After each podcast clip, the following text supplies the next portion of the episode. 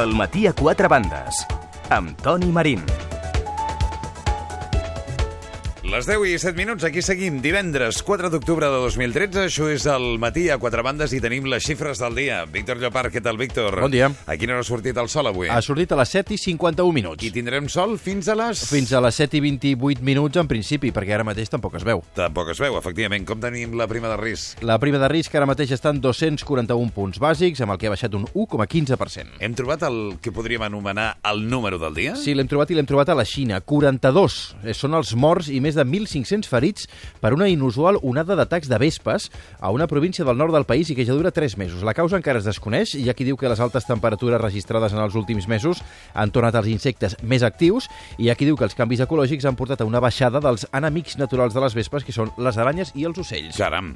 Avui fa anys... Doncs gràcies al que va passar avui fa 431 anys a Roma, podem dir que és 4 d'octubre i demà serà 5 d'octubre. Tal dia com avui, el papa Gregori XIII decretava el calendari gregorià en substitució del calendari julià i la nit del 4 d'octubre de 1582 va donar pas al divendres 15 d'octubre. Caram, com passa el temps. Sí, fa 56 anys la Unió Soviètica llançava l'Sputnik 1, el primer satèl·lit artificial de la història. Avui fa 16 anys que la infanta Cristina i Iñaki Urdangarín es casaven a Barcelona i es passejaven per la ciutat sota la mirada dels barcelonins. Què passaria si això s'hagués fet 16 anys després? I avui fa 3 anys sortia a la venda als Estats Units l'iPhone 4S just un dia abans de la mort de Steve Jobs. Ja fa 3 anys? Sí. déu nhi Tenim música. Sí, avui la música ens la porten dues persones i per motius diferents. La nit del 4 d'octubre de 1970 moria Janis Joplin, la que és considerada com la reina dels hippies. Ho feia després d'una nit d'alcohol i heroïna i passava així a formar part del Club dels 27. Però aquell dia també era l'aniversari del Chris Lowe. Concretament feia 11 anys i uns quants anys més tard, i juntament amb el Neil Tennant, serien el responsable de temes com aquest. All day, all day. Watch them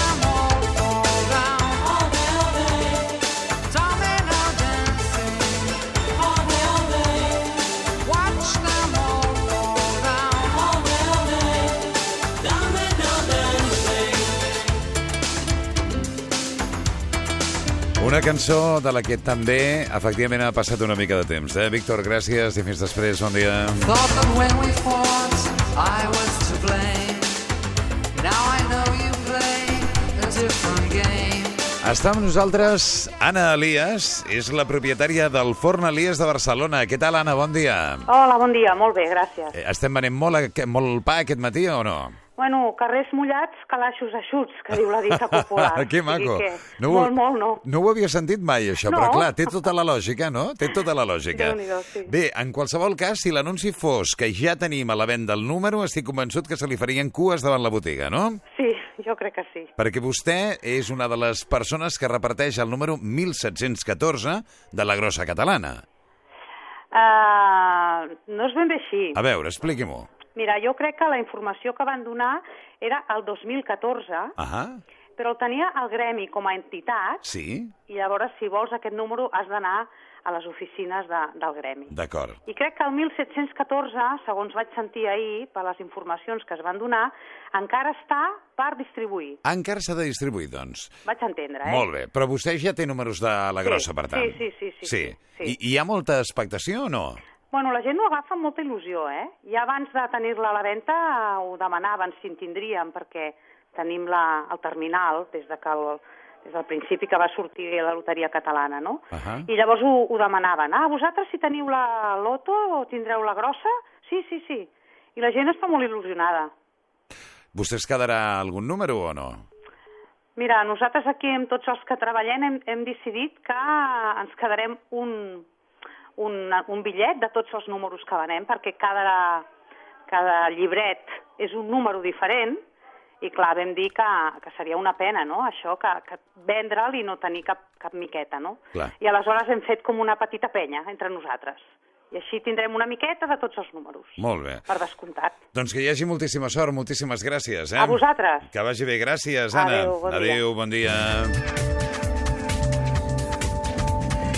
Anna Elias, la propietària del Forn Elias de Barcelona, ja s'estan venent números de, de la grossa. Eh, la grossa de cap d'any de la Generalitat ha venut ja 6,2 milions d'euros i preveu repartir més de 10 milions encara. Segons dades actualitzades d'ahir mateix dijous, la grossa de cap d'any ja ha venut doncs, aquests eh, diners. Té previst repartir més de 10 milions d'euros en premis d'entre els eh, 100.000 números que es posaran a la venda i que costen 5 euros per bitllet. Per tant, el primer premi suposarà 100.000 euros per cada 5 euros jugats. El segon premi serà de 32.500 euros per cada bitllet de 5 euros i el tercer s'endurà 15.000 euros per cada 5 euros jugats. Ens acompanya Elsa Artadi, directora general de Tributs i Jocs del Govern de Catalunya. Senyora Artadi, què tal? Bon dia. Hola, molt bon dia. Sembla que hi havia ganes de la grossa catalana, no? Això sembla, això sembla. Estem molt contents. Perquè ara les xifres són correctes, no? S'han venut 6,2 milions d'euros ja? Uh, vull una mica més. Aquestes eren les xifres del tancament que teníem a primera hora d'ahir al matí Uh -huh. i ara estem acabant de tancar, com a mínim tenim 200.000 euros més venuts. 200.000 més, o sigui, parlaríem Sí, de ara estem- 6,4 estem esperant ja. les xifres... Sí, exacte. Està molt bé. Eh, Tenint en compte que el sorteig és del 31 de desembre, se- es pot vendre molta loteria encara, no?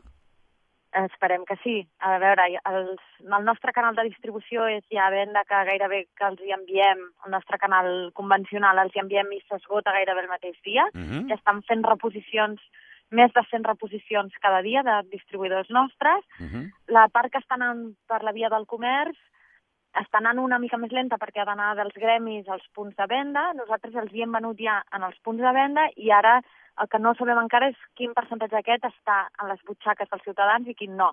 Però està anant molt ràpid, especialment donat que vam començar a distribuir fa 10 dies i que ahir va ser la presentació oficial, diguem. Ja. déu nhi eh, sí que hi havia previst eh, vendre bitllets per valor de 15 milions, però lògicament no es descarta fer-ne noves sèries, no? Exacte, la resolució que, que es va publicar en el DOC el dilluns passat ens autoritza a vendre aquestes primeres 30 sèries que farien els 15 milions que diu vostè. Uh -huh. I aquests són els que estan ara en circulació, els que estem traient de magatzem.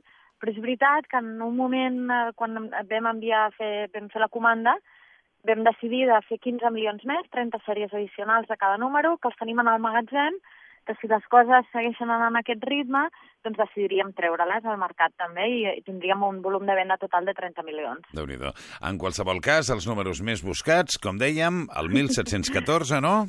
I el, Sí, 2000, exacte. i el 2014.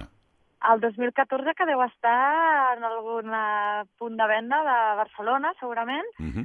perquè quan vam anar a buscar-lo per saber on era, per fer la traçabilitat del número, vam veure que el té el Gremi de Flaquers de Barcelona, Uh -huh. per tant deu estar en algun forn de pa de Barcelona, i si, segurament hauríem de, de contactar amb ells per veure que, o podríeu contactar amb ells perquè us donin més detalls de on s'està venent i si ja s'ha exhaurit o no. Ho farem. I el, exacte, i el 1714 el tenim encara a magatzem.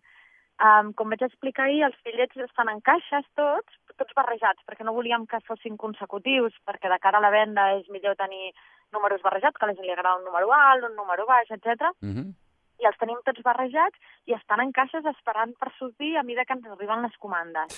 En No. un moment, quan vam veure que hi havia tant de furor pel 1714, vam anar a buscar on estava, però és que nosaltres, a veure, això és un joc de sort i la sort també ha de ser a veure qui li toca aquest número, que és el més buscat. Lògicament. Seguirem parlant. Ha estat un plaer. Eh, Elsa Artadi, moltíssimes gràcies per Moltíssimes gràcies a atendre la trucada. Molt amable. Adéu. Adéu, bon dia. gràcies, bon dia.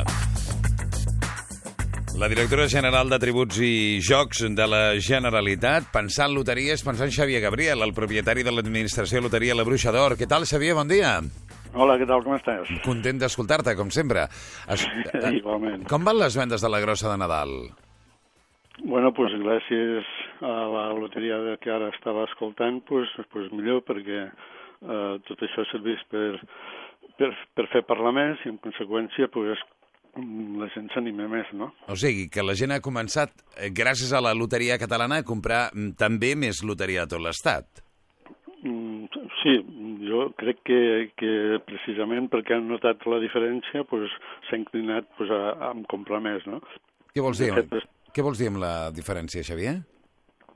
Bueno, el eh, que fa la, la loteria eh, catalana, en definitiva, deixant a part que està molt bé lo, el que fa eh, és un sistema de, de, de participacions al final, no, no, no, no són dècims de loteria, són participacions, perquè és una, és una quarta part de, de l'import, però també és una quarta part del premi que, que podem donar nosaltres.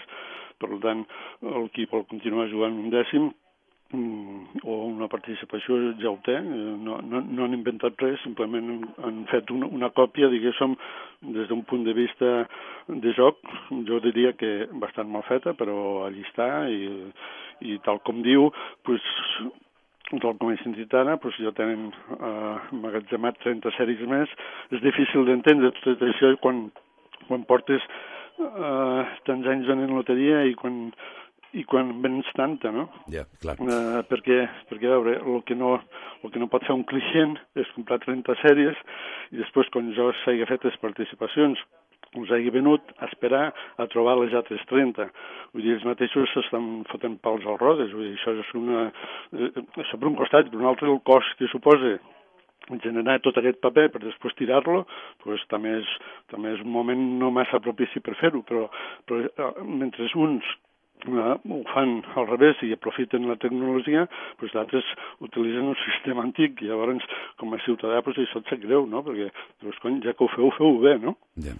Doncs a més clara l'opinió de Xavier Gabriel no, no pot estar. En qualsevol No, cas... és que jo, jo crec que s'ha de ser clar.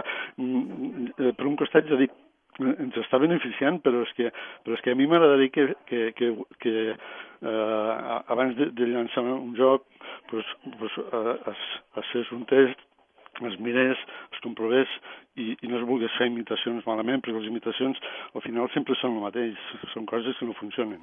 L'opinió d'un professional del tema. Xavier Gabriel, moltes gràcies i una abraçada. Gràcies a vosaltres. Vinga, adéu, bon dia. Passen 4 minuts d'un quart d'onze. En qualsevol cas, el que és indubtable és l'èxit que està tenint la, la grossa eh, catalana amb aquests bitllets de 5 euros i que poden arribar a suposar fins a 100.000, no? que no estaria gens malament més enllà de qualsevol altra consideració, no? aquests 100.000 euros. El que passa és que probablement, segons on visqui un, un tindria problemes per ingressar-lo.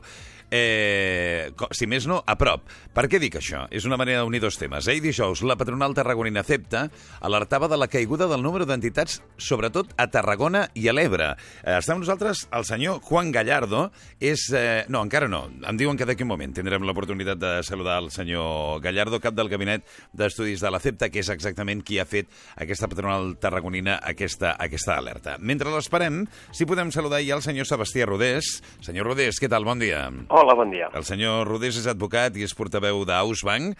Tantes entitats bancàries estan tancant a Catalunya? Bé, eh, no tenim dades concretes, però sí, sí, sí, sí, estan, eh, estan tancant oficines, estan tancant oficines i molt, es nota molt, evidentment, en, en llocs de fora de grans ciutats. Eh? Sobretot en eh, pobles, m'imagino, no? Sí, efectivament, pobles que potser hi havia una entitat doncs, eh, o una oficina o dos doncs, han, estan desapareixent, sí. Eh, hi ha casos, sobretot, eh, molt, molt clars, segurament el de Bànquia, per exemple. Sí, sí, sí, efectivament, efectivament. Són entitats que d'aquestes que eh, són ara tristament conegudes perquè han estat intervingudes en diners públics, doncs són de les que estan eh, experimentant una reducció de la xarxa d'oficines, sí. Miri, anem a, anem a conèixer les dades concretes, que ara sí tenim amb nosaltres el senyor Gallardo i de seguida continuem parlant. Juan Gallardo, bon dia. Hola, bon dia. Bon dia, és el cap del Gabinet d'Estudis de la Confederació Empresarial de la província de Tarragona. Alertaven Sí. vostès de la reducció de l'oferta financera relacionada amb el tancament d'oficines bancàries eh, aquí a Tarragona, Sí. no? Sí, efectivament, efectivament. Ahir vam presentar aquest observatori on es posava de manifest doncs, una forta reducció de l'oferta financera que, bàsicament, eh, el que suposa és una importantíssima reducció del nombre d'entitats que han passat doncs, de, de 31 a, a 11, ¿vale? i després eh, el del nombre d'oficines, que és les dades publicades, doncs, eh, que també s'han reduït d'una forma important. El, per, perquè tinguin vostès una referència, ja ho he dit abans, de, de, de 31 entitats a 13, Uh -huh. De, i d'oficines ha passat de un màxim de 833 oficines l'any 2009 a 664 a l'any 2013. Però això I significa- més a més, continua. Sí, això significa, senyor Gallardo, que hi ha localitats que s'han quedat sense oficines bancàries. a, a, algunes, algunes localitats de, de menys petita vida s'estan quedant sense oficines bancàries, efectivament. Déu nhi I això seguirà, això anirà més, això anirà més. Això és... Anirà més perquè, perquè clar, les entitats, eh, bàsicament les entitats de referència amb, amb, que eren caixes d'estalvi, eh, sobretot la Caixa d'Estalvis de Tarragona, que s'ha integrat amb Catalunya Banc, doncs, com ho saben vostès, està en un procés, està nacionalitzada, en un procés de subhasta. Aquest procés de subhasta hi ha moltes possibilitats de que sigui una gran entitat eh, espanyola, Mhm. ja present a Catalunya, la que es faci amb el seu comandament, amb la seva participació majoritària, Sí. en la qual cosa seguiran les polítiques de reducció de capacitat, és a dir, d'oficines i personal, d'ajust i de tancament d'oficines. Això, mm, això no, té, no té pinta de mm, finalitzar. Senyor Rodés, què podem fer com a usuaris davant d'això? Bé, doncs, com a... eh, Sí, perdó, perdó. No sé, Perdó, sí, Sebastià, sí, no, no, Sebastià endavant. Rodés, havíem dit Sebastià Rodés, sí. No, jo crec que, el que com a usuaris el que hem de fer és, eh, en la mesura que podem, com a clients d'aquestes entitats, doncs actuant en, com a usuaris eh, o com a consumidors crítics. És a dir, eh, si no tenim una vinculació amb aquesta entitat, eh, per, eh, parlant clar, si no tenim un préstec hipotecari, doncs marxar d'aquesta entitat i obrir compte en una altra entitat, encara que tampoc tingui la nostra localitat, però castigar a l'entitat per haver-nos deixat de prestar servei. Si tenim un préstec hipotecari, per tant tenim una vinculació que no podem marxar de l'entitat, doncs el meu consell és la mesura que es pugui és treure tots els productes o, o serveis que es tingui l'entitat i deixar exclusivament el préstec hipotecari. Això es pot fer sempre que la, la pròpia escritura de préstec hipotecari no penalitzi per no tenir productes amb la pròpia entitat. Per tant, revisar en l'escriptura de préstec hipotecari que no es tingui bonificació o penalització per tenir o no tenir productes associats a la hipoteca Mhm. i en aquest cas doncs, treure tots els productes i deixar simplement el préstec hipotecari. I vull recordar també que un compte corrent o una llibreta d'estalvi que es té exclusivament per pagar un préstec hipotecari Sí. no pot generar cap comissió, Ah, zero. no? I això ho tinc molt dit al Banc d'Espanya. Per tant, un compte que es manté només per pagar un préstec hipotecari, a l'entitat no pot cobrar cap comissió ni d'administració ni de manteniment. Això és molt interessant saber-lo, eh? eh sí. Parlàvem de que, efectivament, cada vegada es pot arribar a donar la circumstància de que hi hagi localitats senceres sense cap mena d'oficina bancària. És el cas de Gualba, pel que ens expliquen. Eh, senyor Marc Uriach, bon dia. Bon dia. És l'alcalde de Gualba, aquesta localitat. De... Hi viuen 1.300 persones, oi? Mil- 1.400. 1.400. És veritat que s'han quedat sense cap oficina bancària? Mm, Bé, eh, al maig l'oficina que teníem va, va tancar i el Serres ens va deixar, ens va deixar un caixer automàtic. Eh, el que passa que ahir mateix eh, ens comuniquen que tots els municipis petits retiraran els, els caixers d'aquesta entitat però que si l'Ajuntament doncs, estem disposats a posar un local i fer càrrec de les despeses d'electricitat, ells el deixarien el caixer mitjançant un conveni. O Clar. sigui, que és per no pagar el compte de la llum. Bueno, eh, ells diuen que el, bueno, el compte de llum i suposo que per treure un rendiment del, del local, perquè el local el tenen de propietat. El local el tenen de propietat, van tancar l'oficina i van deixar el, el, el caixer, entenc jo, perquè perquè no, ja, la seva, la, el local, el seu, doncs no, no els generava més despesa. Però ara eh, han comunicat doncs, que, tot i així, els caixers se n'han d'anar. Llavors, la nova proposta que ens han fet, ja et dic, va arribar ahir, que encara, encara la tenim aquí sobre la taula, doncs, doncs és aquesta, i es fa, es fa, es fa complicat, no? Es fa complicat que en un municipi que només disposàvem de- d'aquesta oficina, doncs a sobre, eh, doncs ara desaparegui el, el, el caixer. Què pensen fer amb l'Ajuntament? Els hi deixaran posar el caixer a... Clar, és una cosa que nosaltres ara estem, estem, estem mirant i estem valorant, perquè tampoc és fàcil trobar un poble petit, disposar de, de, de local perquè, perquè pugui anar-hi un, un caixer. Uh -huh. De fet, evidentment, mm, haurem de buscar solucions. I arriba, va arribar ahir i és un tema que ens hem de, de posar a treballar de, de, de seguida. M'imagino, m'imagino. En fi, senyor Uriach, no l'entretenc. Eh, gràcies de veritat per haver estat avui amb nosaltres. Moltes gràcies. D'acord, que vagi molt bé, moltes gràcies. L'alcalde de Gualba és eh, Sebastià Rodés. És una cosa- situació curiosa, aquesta, eh? Sí, jo diria dramàtica, quasi, no? I- dramàtica, i que se- s'estigui discutint de si pagar la llum per mantenir un caixer en una, en una població que no té entitat eh, bancària. I, senyor Gallardo, hi ha molts altres, hi ha molts altres Gualbes? Mm, sí, n'hi haurà més, n'hi haurà més. Perquè, a veure, quina, fixin-se vostès, quines han estat les entitats més afectades pel procés de reestructuració financera? Doncs les caixes d'estalvi, que eren alts, eh, per les raons que sigui. Potser seria un moment, un altre moment, repassar quines han estat les causes. Uh -huh.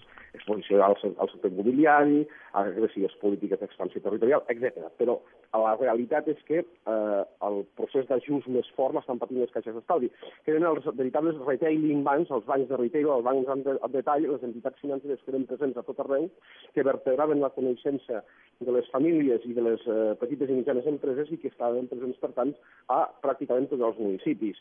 Moltes de les entitats presents a casa nostra, per exemple, doncs, eh, Caja Madrid el seu dia, doncs, va eh, comprar selectivament doncs, tot un reguitzell de caixes rurals. Ja. Eh, Caixa Tarragona ja era l'entitat de referència. Caixa Catalunya també es va implantar tot arreu. Per tant, són aquestes entitats les que estan patint amb més força els processos d'ajust i reestructuració, amb la qual cosa, si passen a l'òrbita de grans entitats eh, financeres nacionals, Uh -huh.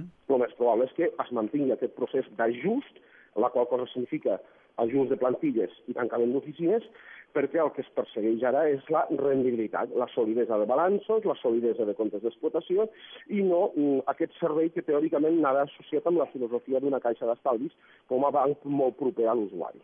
Déu-n'hi-do, eh? Sebastià Rodés, eh, venen temps complicats, eh? eh? També estem veient... Ens hagués agradat molt saludar Montse Delgado, representant de Comissions Obreres al Comitè d'Empresa de Catalunya Caixa. Aquests dies saben que són dies de reivindicacions de Catalunya Caixa, però no, no, no sabem per què exactament no ens agafa el telèfon. Vull dir que em sap greu, però quedi constància del nostre interès per apropar-nos als treballadors de Catalunya Caixa que s'estan queixant de que, clar, l'ERO que els afecta a ells no, és, eh, no, no té les mateixes condicions que EROs precedents. No? En fi, Sebastià Rodés, Juan Gallardo, us agraeixo molt que hagueu estat avui amb nosaltres aquí al matí a Quatre Bandes. Moltíssimes gràcies a tots dos. Gràcies, bon dia. Gràcies. Adéu, bon dia. Temps complicats, eh? 10-29 minuts. Eh, hola, Gina, què tal? Bon dia. Hola, bon dia. Jo tenia ganes de veure't, tu. Jo també tenia ganes de veure-us a vosaltres. Per, per motius diferents tinc la sensació, perquè la Gina, jo la tinc al Facebook, a la Gina, i s'ha passat un estiu... No, He ha- no ha estat gens malament, eh, Gina? No, he passat un estiu complet, la veritat. Sí, sí, ho he de confessar. He tingut temps per descansar, estar amb la família, estar amb els amics i fer vacances, però també he tingut la sort de poder anar fora, treballar, agafar experiència professional, On viatjar una mica. Has, vi- has viatjat molt, no? He estat a Oslo. He estat a Oslo treballant, fent consultoria, treballant molt en un ambient molt internacional i la veritat és que m'ha agradat molt. I clar, els caps de setmana podia viatjar per Noruega. Clar, que xulo, Noruega, Sí, no? sí, Caríssim, no, diuen? Sí, molt, molt car, però com que estava tot el dia treballant, doncs mira, tampoc tenia temps per gastar. Però has fet més viatges a banda o no? em, bueno, vaig anar a Tanzània, també, A Tanzània? sí, perquè, però per treball, també, per un projecte que estaven fent. Caram. Però és això, que no vaig fer res de turisme, eh? vull dir, l'aeroport molt maco, Ja. i l'hotel en el que estàvem, però realment era tot feina, i després vaig estar a Madrid. També. A Madrid. Londres, no? No, Londres aquest estiu no, i vaig anar fa poc abans de l'estiu, però Ah, a l'estiu no, no Va, hi ja, ja sé que jo tenia alguna imatge. No t'agrada viatjar, tu, eh? En absolut, eh? No, a mi viatjar sí, és de les coses que més, que més m'agrada fer. Sempre que puc, sempre que puc ho faig. Ho fas, eh? Sí, sí. Dani, com estàs, Dani? Bon dia. Com va la cosa? Bé, anem fent. Feia dies que no et veia. Bueno, no gaire, és que vaig estar el dimarts. Ah, bueno, és veritat, que vas... Ja, home, però dic dins aquesta tertúlia, ah, no? sí, dins de la tertúlia sí, ja feia un parell de setmanes que no venia. No pot ser, això? Home, sí, bueno, està bé donar participació a més gent. No, està bé, està bé. Gent jo nova. sempre que... Gent nova. Gent nova com el Rodrigo, per exemple. Rodrigo, què tal? Bon dia. Hola, bon dia. Que és gairebé nou també al programa, no? És la segona o 177a No sé, vegada que vens, primera no? i mitja, sí. Primera i mitja, no? I el Marc Sisquella, hola Marc, què tal? Bon dia. Bon dia, Toni. I ja tenim els quatre integrants de la tertúlia d'avui de- d'aquest matí a quatre bandes. Tenim moltes coses, eh, avui al damunt la taula. Avui, per exemple, acabo de veure, coneixerem... Bé, ho acabo de veure, ja ho hem explicat aquest matí, però coneixerem la sentència del cas Malaya.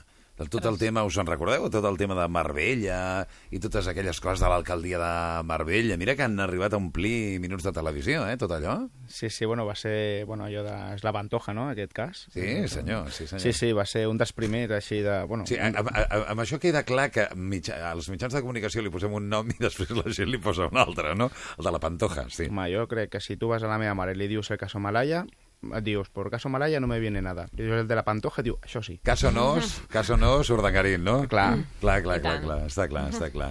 Bueno, que, quina curiositat realment de saber, no? Aquest matí la, la Sílvia Jiménez Salinas, que havia estat en el seu dia la decana del Col·legi d'Advocats, deia en aquest programa que la justícia és fantàstica, perquè trigarà més o menys, però sempre acaba arribant, no? I eh, és, és l'evidència una mica, no? Eh, això o què? Què penseu? Sí, la veritat és que sempre triga més o menys, el problema és que masses vegades triga més Sempre és tard, menys. I sobretot per, alguna, per alguns personatges o tipus de persones sembla que sempre les coses van allargant més, no? I jo personalment estic a segon de dret i jo ho, ho veig, això, com les sentències s'allarguen, s'allarguen, s'allarguen, i hi ha temes que hi ha massa burocràcia i massa ineficiència en el, en, en el moment de decretar què és el que toca fer. Què dius, Dani? No, no, el pitjor de tot és que el judici ja se li ha fet a aquestes persones, siguin innocents o siguin culpables, vull dir, la societat ja els hi ha fet. Vull dir, pa- la Isabel Pantoja jo no sé si va robar o no o va fer el que hagi de fer, però vull dir, socialment, vull dir, ja està marcada. Estàs parlant de la pena del telediario, no? Que és, eh, Sí. que Com diu, el no? tema dels imputats, que sempre, siguin innocents o culpables, si se'ls imputa i es fa el debat públic, sempre portaran l'etiqueta per tota la vida. Exacte. Què diu Rodrigo? Bueno, jo diré una cosa a favor una mica dels jutges, i és que els pobres tenen molt treball i tenen molts pocs recursos. Que contractin a gent. Eh? Tenim 5 milions i pico d'aturats. Bueno, home, potser sí. Tenim molts No- advocats que estan clar, marxant fora, que els el problema contractin. no, no, no sé si és aquesta la solució, però clar, Ni, tenen... ni tampoc si són els jutges qui ho decideixen, això, eh? Ja, ja, ja, però vull dir que tenen molta feina i hem de fer una... una, una... No, el problema és que els que prenen aquestes decisions haurien d'estar treballant un, un temps amb els jutges i, i que vegin què és el que, quines són les mancances i, i què necessiten i com millorar tot, Mhm. tot aquest procés, no? perquè és un, és un tema de recursos, no és que siguin els jutges uns incompetents, per al contrari, jo crec que tenim molt bon, bons jutges, mm, llavors eh, aquí sí que hauríem de fer alguna cosa. eh què dius, Marc? Què et sembla tu, això? Que no me'n recordo de res d'això. Jo crec que una de les desavantatges no, d'estar en la tertúlia jove és que jo era molt petit quan feien això. Això no és un desavantatge, és una sort. Aleshores no, no me'n recordo No, d'això. això, realment. això és l'evidència de lentitud de la justícia. Perdoneu, eh? aquesta és exactament l'evidència de la lentitud de la justícia, que un cas que efectivament la majoria recordem eh, d'una manera clara, clar, el Marc que tens 22 anys, Sí, no? 22 això que va anys. passar quan jo tenia 16 o així. Un més o menys. No, no estava jo mirant aquestes coses per la tele. És estrany, què fan els nanos de 15 anys que no miren els informatius, no? Vosaltres ja mireu els informatius o no, encara? Home, jo sí. Home, clar. El Dani sí, sí Jo, segur. puc, també. Rodrigo, vosaltres, de Marc, tu també, sí? Sí. sí? Heu vist que avui s'aprova la nova eh, velocitat màxima? 130 Sí, km 130. per hora? I també es posaran multes molt més grosses per a l'alcoholèmia. Crec que passarà de 500 a 1.000 euros. A 1.000 euros, sí. sí. Eh, er- eren les dues qüestions de les que volia parlar amb vosaltres. Primer anem per la velocitat, no? Sou de córrer, vosaltres o què? Home, 130 sovint. Vull dir, quan abans no es podia, tècnicament el radar diuen que salta a 130, no? Doncs ara ha de saltar als 140. Vull dir, sempre hi ha aquest límit que malauradament, doncs, en molts casos a l'autopista sí que... això va dir en aquest programa el director del Servei Català de Trànsit, que un dels problemes d'augmentar la velocitat és que hi ha molta gent que sap això i que efectivament hi ha... Que l'augmentaran molt més, Clar, no? Del que és, han de fer-ho, han de fer-ho, no poden multar si la, la velocitat màxima és a 130, no poden posar la multa a 131. No. no poden. Exacte. Clar. Però bueno, també és veritat que, és, que eh, s'adapta a la realitat, no? Tothom, jo crec que ho fa. Vull dir, jo de la gent que de vegades en parlem d'això, diuen doncs això, no? Que a 120 doncs, sempre van una miqueta més. Sí que és veritat doncs, que hauria de ser això, no? Vull dir, si passes molt més, doncs que la sanció sigui molt més, més forta perquè la gent doncs, realment s'adapti al nivell de velocitat que marca la llei. T'agrada córrer tu, Rodrigo, o no? Eh, sí, a la, a la velocitat que mani, per suposat. ha sonat bastant fals, això, deixa'm que et digui, no, eh? No, no, soc molt sincer. No, no, però t'agrada... Si, si, No, sí, si visquéssim sí. en un món en el que no hi hagués límits... M'agrada conduir, m'agrada córrer a una velocitat adequada, però no puc. Ja. No, o sigui, no puc... A lo millor sí que agafaria el 140, mm, no?, de manera... Eh... Regular. Hi ha països Sí. on no hi ha límit de velocitat en segons quins trams. Però a mi això Sí. em sembla una bogeria. És a dir, jo eh, sóc bastant com el Rodrigo, no sé si ho deia veritat o de mentida, però a mi m'agrada córrer, m'agrada conduir. Si és un tram que és segur, que tampoc hi ha molts cotxes, evidentment els 120 els vas o sigui, arribes fàcil i llavors has d'anar vigilant tota l'estona, de no passar-te, saps més o menys quan està el radar i tal, però sempre has d'intentar controlar. I això de que no hi hagi límit em sembla una bogeria, perquè vull dir, em, a l'Estat ens ha de com protegir una mica i crec que aquestes coses... O sigui, no estic aquí fent, abogant una visió paternalista, però... No, que jo només ho he dit, jo no dic que estic a favor o no. No, vull dir, Això de que no hi hagi límit em sembla molt, molt perillós perquè hi ha gent que llavors... eh, Sí, però jo crec que la, 200. la velocitat, més que una causa d'un accident, és, és com, com un agravant, no? O sigui, jo crec que les causes d'accident són més les, les distraccions, quan un es dorm, eh, quan un eh, comet imprudències, no? fa eh, avançaments que no pot o s'apropa molt al, al cotxe de davant. Jo crec que són sobretot aquestes coses les, les que hem de treballar, no? perquè el tema de la velocitat és cert que quan més velocitat menys control tens, no? I més et motives. Però amb les, eh, amb les carreteres que tenim, que cada vegada són millors, és cert que Espanya no és com a Alemanya, perquè a Espanya tenim un, eh, una geografia més, més accidental, no? Eh, però bueno, ni- no, és, no, és, no, és el, no és el mateix cas. Però jo crec que són, són aquests detalls els que sí que hauríem de cuidar una mica més i ens hauríem d'educar una mica més. Tu corres molt amb la... Tens moto, cotxe... No, Bici. No. Tens bici? Jo dels 40 no passo. Dels 40 no passes. amb baixada tampoc, eh? En baixada la bici no dona per més de 40. Escolta'm, to- tots... Ben Bé, el Rodrigo té bici segur, perquè l'altre dia ens vam anar a fer un tour amb bicicleta al Rodrigo i aquí un servidor, fantàstic. Ah, hi ha alguna baixada que pots superar els 50, eh? Sí, déu-n'hi-do, eh? Déu nhi Porteu casc quan aneu en bici o no? Sí. Jo, el vaig perdre, però el portava. Això significa sentit- que no, eh, Marc. Ara no. Això significa que no. Ara no, Digues, però- sí. He sentit alguna cosa? Que els menors ara hauran de portar casc? Com, o ho he sentit Penso malament? que ara No, per anar en bé. bicicleta és obligatori tothom portar casc. Abans no era obligatori al, no? a l'estiu. Mhm. Abans era una recomanació i a l'estiu sí que no et deien res. I, però a mi mai m'han dit res i penso que inclús hi ha gent que va escoltant música penso que això sí que és un perill Home, és un perill, i això. poder els urbanos s'haurien de posar una miqueta més serios amb aquest tema malgrat que a mi m'afecti eh? i Ja. m'estigui tirant pedres damunt del meu sostre Però vols dir que tu, tu també et poses els auriculars? no, no, vull dir que no em poso el casco Ah, que no et poses el casc. Mm. Eh, eh, Rodrigo, tu que ets ciclista, el tema del casc què et sembla? Jo me'l poso. No m'agrada gens, però me'l poso, sí. Rodrigo és responsable. Un, un, no, però... És un home responsable en general, eh? Sí. No, no, eh? Vull dir... però és una tonteria, perquè caus i qualsevol cosa i et dones un cop al cap, doncs el casc eh, et pot ajudar molt. No, i tant, i tant. Dani. Sí, sí, jo me'l poso, sobretot quan vaig per la muntanya. Jo Però entenc el ficar-s'ho per la muntanya, però aquí a la ciutat no... Vull dir, a la quasi muntanya... que més, et la ciutat, hi ha molts perills, eh, també. No ho sé, jo penso que, clar, la- a la muntanya et dones contra un arbre, una pedra, però aquí si t'aixafa el cap un cotxe dona igual que portis el casco com que Ostres, no. però si et caus un, un, a la, contra la vorera, qualsevol Sí. cosa, sempre és millor portar-lo. Jo no utilitzo No, la sí, bici sí. per Barcelona, però, ostres, crec que...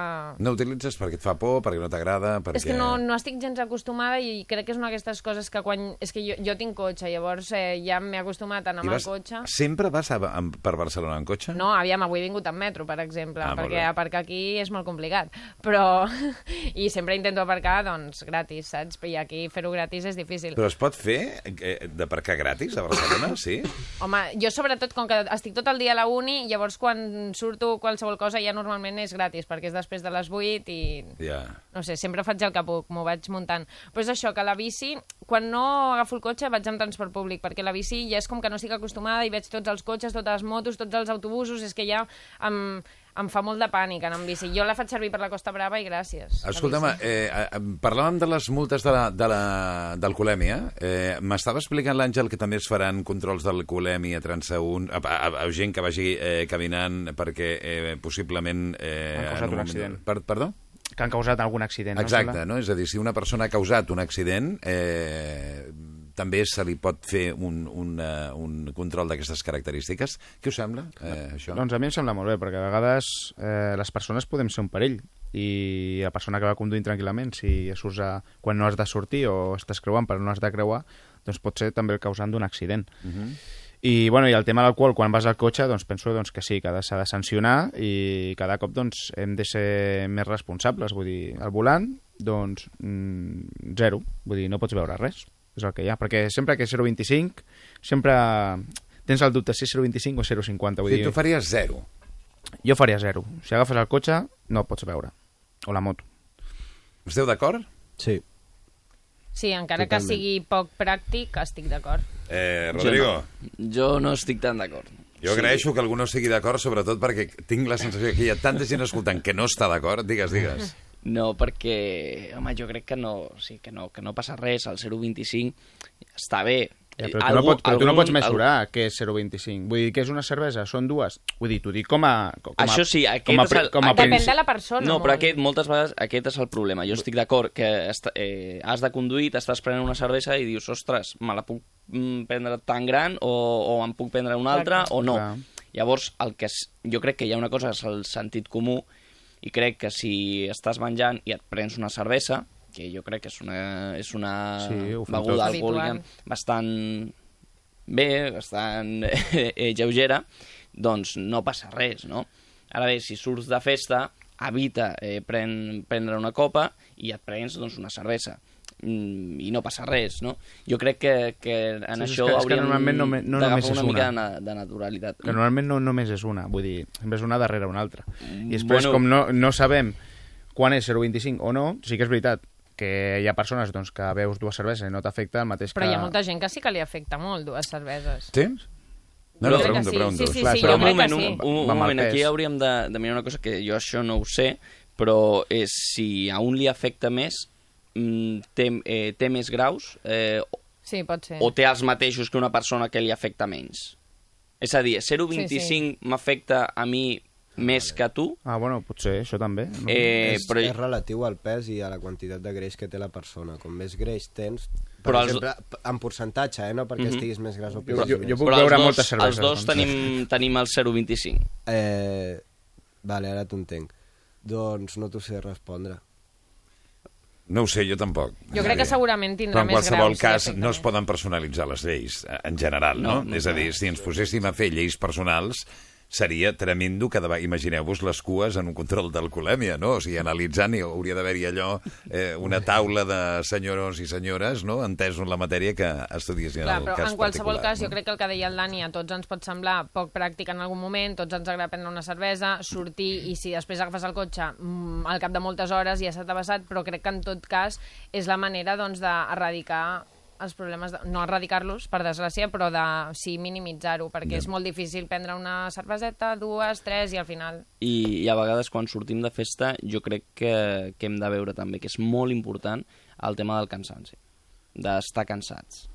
O sigui, Sí, sí, això això, és, és molt perillós, no som conscients perquè a vegades diem vinga va, no, no hem de beure, no hem de beure, estic amb la meva aigua, jo condueixo després, però a vegades pots agafar el cotxe a les 7 del matí i estàs cansat. I el cansanci... Això potser hauríem de mirar, hi havia, havia per aquí al, al periòdico un tema que parlàvem de, de la, la racionalització dels horaris, no? Mira, el tinc jo aquí preparat per comentar-lo. Doncs a nivell laboral i a nivell social també s'haurien de racionalitzar. Racionalitzem socialment m'agrada els m'agrada horaris. molt aquest tema i tinc experiències de l'estiu T'ho anava, per t'ho anava a preguntar, explicar-vos. t'ho anava a preguntar justament, no? És a dir, estic encantat la compenetració ja la que estem arribant aquí al programa. Clar, perquè sabeu, deixa'm que simplement que, que ho situï, sabeu que hi ha la intenció per part del Congrés d'equiparar l'horari eh, que hi ha aquí a l'horari anglès. Què es pretén amb això?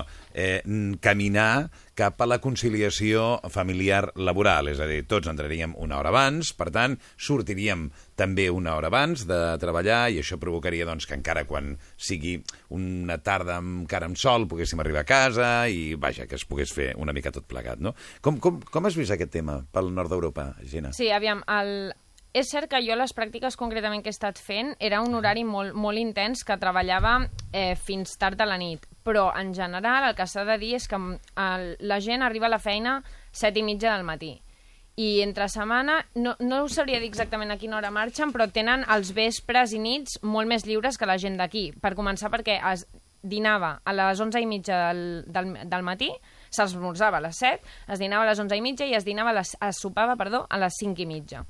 Llavors era com que tot s'avançava, però a la vegada els dinars no duraven dues hores i mitja, com aquí. Uh Mhm. -huh. Els dinars era quelcom ràpid a l'oficina, en un pis eh, destinat a, a dinar, on hi ha menjar, tal, 20 minutets, mitja hora, fas tertúlia amb els teus companys i tornes a la feina. Es guanya productivitat, més hores, no es, perd, no es perd tant de temps dinant i després pots marxar més aviat si així ho vols. I a la vegada el divendres, a les 3-4 de la tarda, tothom podia marxar i els caps de setmana en la regla general era que no havies de tocar l'ordinador, no havies de fer feina en absolut. O sigui, és, es tracta de mm, aixecar-se més aviat i ser més productiu i més intens quan estàs treballant de veritat, per després poder marxar més, més d'hora. I en els horaris, perdona, de, de sortir de festa, per exemple, o per la gent més jove, tu pots quedar perfectament a les 7 o a les 8, sopes i a les 2, 3 ja has fet la gran festa i ja estàs dormint, cosa que aquí si, sembla que si has de fer la gran festa, si no surts a les 5, fins les 5 del matí o les 6, sembla que ets un pringadete. I allà, de veritat, la gran festa és fins les 2 del matí. Estic totalment d'acord. Vull dir, eh, el tema de, dels dinars aquí és molt important. Vull dir, aquí a l'estat espanyol també és, és, una, és a nivell és cultural, no? Vull dir, fem dinars massa llargs i després sí que esperen productivitat i sobretot doncs, dilatem massa la jornada laboral i després doncs, és més difícil conciliar la vida laboral i acadèmica o laboral i familiar. I sobretot el que, vull dir, arrel de la conversa que teníem abans era una mica enfocat amb el tema que deies de l'oci, no? Aquí sempre quedem a partir de les 10 i a la disco o al bar a fer I una gràcies, copa... o més tard, a, a eh? fer una copa és a partir de les 12. Vull dir, sembla si quedes abans... A les 12? Està tot buit, no? O està Sí, tot buit. està tot buit per això, si quedem a les 8 o a les 9 del vespre, doncs podem, podem fer la mateixa farra i racionalitzant els horaris i al dia següent doncs, no estàs tot el, dia, al matí i dormint, no? Sí, sí. Que és totalment- jo que és sortia totalment de la improductiu. feina i veia discoteques amb cues. O sigui, és que és aquest el concepte. Aquí les cues a les discoteques... Molt... La veritat és que ja fa molt que no vaig Perdona, a discoteques. quan jo vaig a Madrid eh, i m'aixeco al matí, eh, hi ha discoteques amb cues encara a aquella hora. Doncs imagina't, a dir, a jo les- sortia de la A feina les i hi 4 a les 5 cues. del matí, clar, eh, jo dormo al centre de Madrid, no? Eh, el dia que, que fem el programa des de Prado del Rei, allà mm, doncs vaig amb un cotxe fins a Prado del Rei i l'hotel està just al costat d'una discoteca. Mm. Hi ha una festa, que és allò que dius, què faig, me'n vaig a treballar o me'n vaig a fer una copa, no? És a dir, tens aquella... Jo crec que és, és insà, això, perquè és que al final acabes trasbalsat, no pots després tenir un dia, una jornada normal el dia següent. Si tu surts fins a les 6 del matí, cosa que a mi personalment no m'agrada, perquè després potser és que jo estic molt iaia, però és que després ah, Però estàs... és que em sembla que el menys jaio aquí sóc jo amb això. És a dir, perquè... No, no perquè jo, és, és una jo altra també manera... veritat perquè ho dono tot, eh? Quan És- surto ho dono tot, Però però, és que és llavors... una altra manera de estàs fer, és una altra següent. manera... No? És, és una altra manera de, de, de tot, no? A veure... que No, Marc- jo penso que poder has de veure que més que perdre el dia següent has aprofitat la nit anterior. Si ho vols, jo que sé, mm, enfocar-ho d'una manera més positiva. Però jo sóc de pensar com tu, dic, si surto per la nit i després tot el dia estic fet una piltrafa, doncs no, no és algo que em vingui de gust. Jo seria molt feliç començant les farres a les 6 de la tarda i acabant-les a les 2 de la nit. Doncs ja ho tenim fet, no? Rodrigo, tu què dius?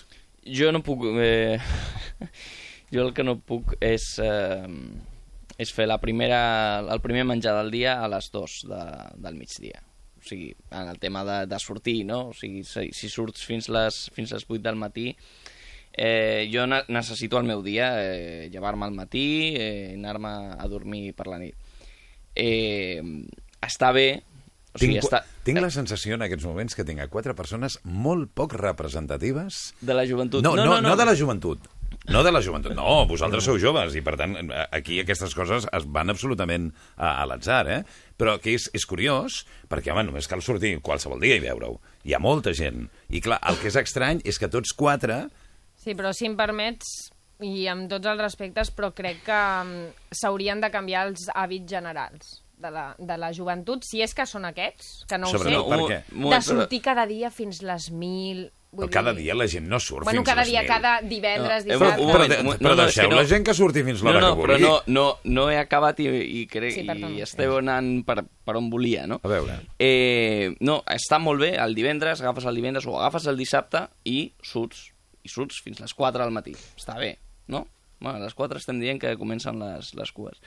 Eh, però surts el divendres o surts el dissabte, no? El problema és quan agafes aquest ritme de dijous, divendres, dissabte. O sigui, això és amb, Això és al amb que el que jo no podria.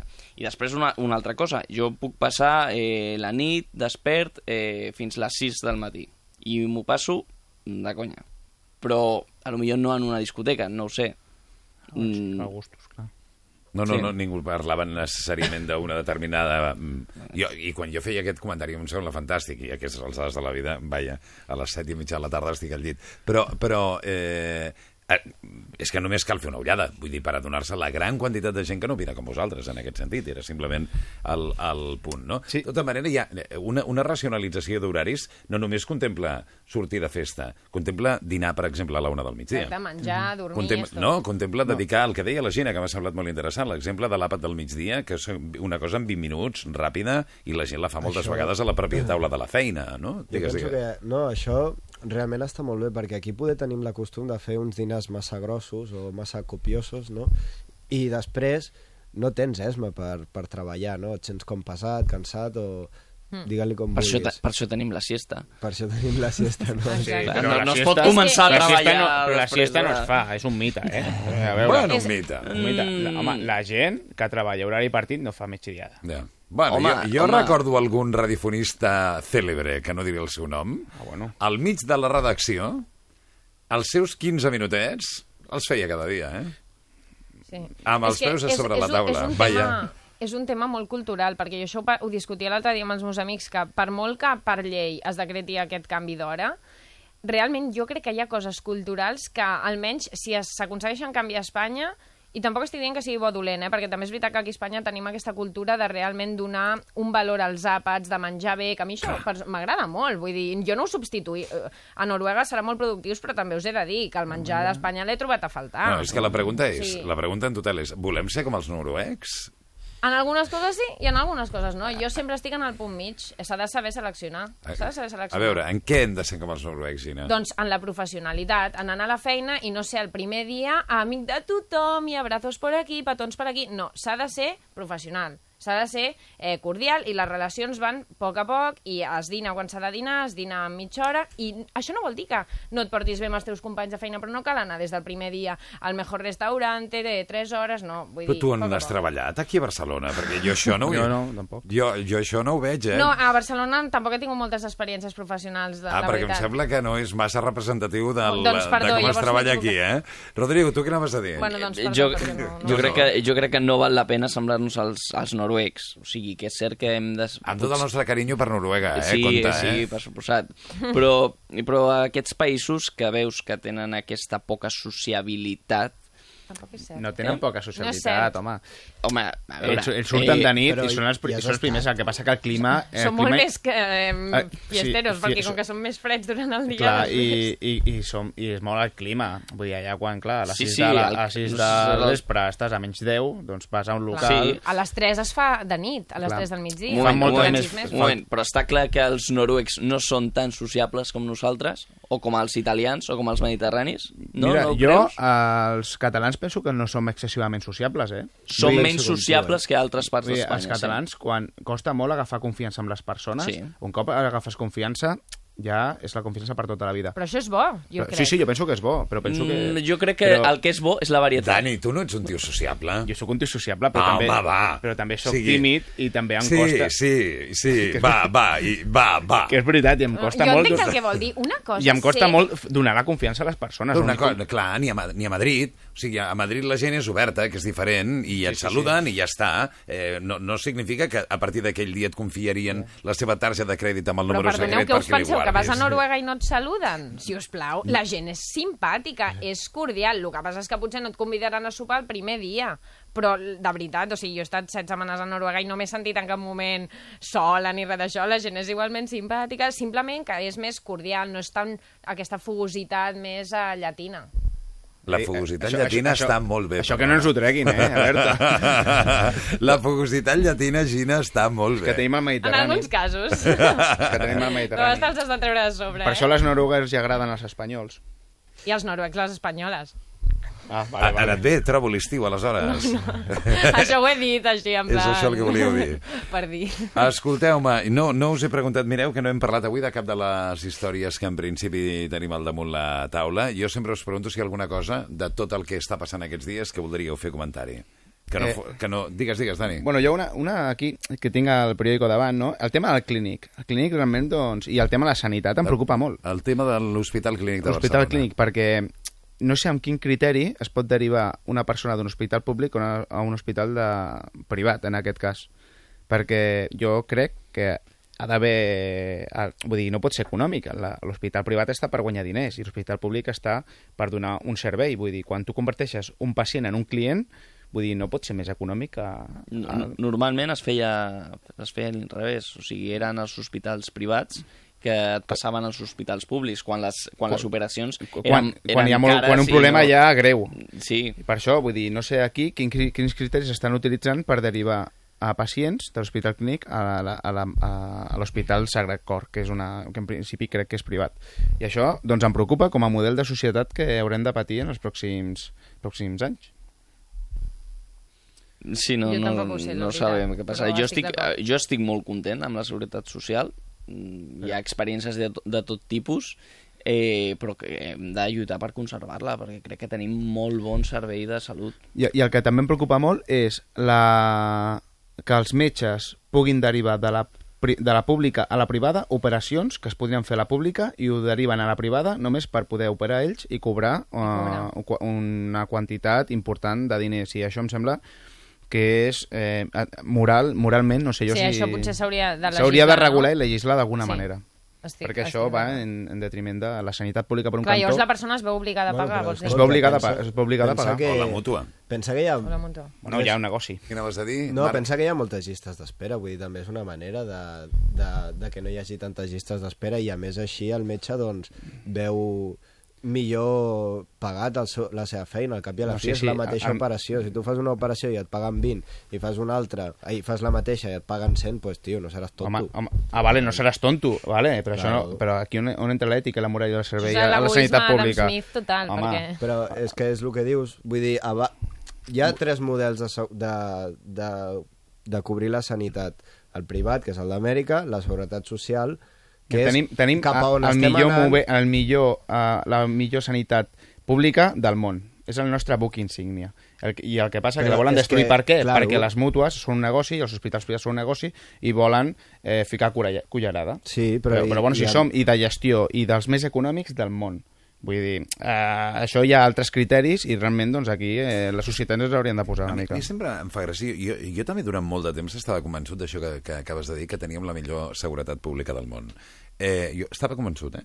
eh? Fins un dia que ho vaig dir en una conversa i amb una amiga més i em tira tothom a sobre. I després et poses a mirar i no tenim la millor seguretat Jo- pública del món. És veritat que tenim una molt bona seguretat pública, però no és la mi- ni de Jo bon crec tros, que depèn eh? molt He dit de dels les millors, he dit de les es millors. Ah, jo havia entès la, la millor del món. Dir, no, no, he dit de les millors, i em sembla que és la tercera millor del món. Ah, hauré d'anar a la Seguretat Social que em miri la UIDA, no? no? I, i, i ho controlo. Bueno, si era així, rectifico. Em sembla que està entre les tres millors sanitats del món de gestió, de gestió. No ho sé, no ho sé, no ho sé. En fi, eh, senyors, que falta un minut per arribar a les, a les 11. Tenim encara per davant el Camil Roca, que avui ens veia parlar... I el tema és interessant, eh?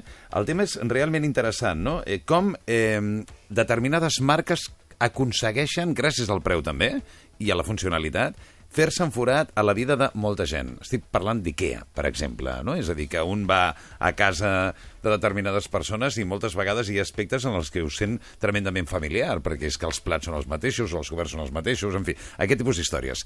Eh, ja sabeu que si us voleu quedar podeu fer-ho, després arribarà Gonçal de Martorell amb les bones eh, notícies. En qualsevol cas, un plaer. Dani, Marc, Gina, Rodrigo, que vagi molt bé. No us mulleu si plou, eh? Moltes I, gràcies. I fins la propera setmana. Moltes Gràcies. gràcies. Gràcies. Una pausa, les notícies. Tornem de seguida. Ràdio 4, al matí a 4 bandes. Fins ara.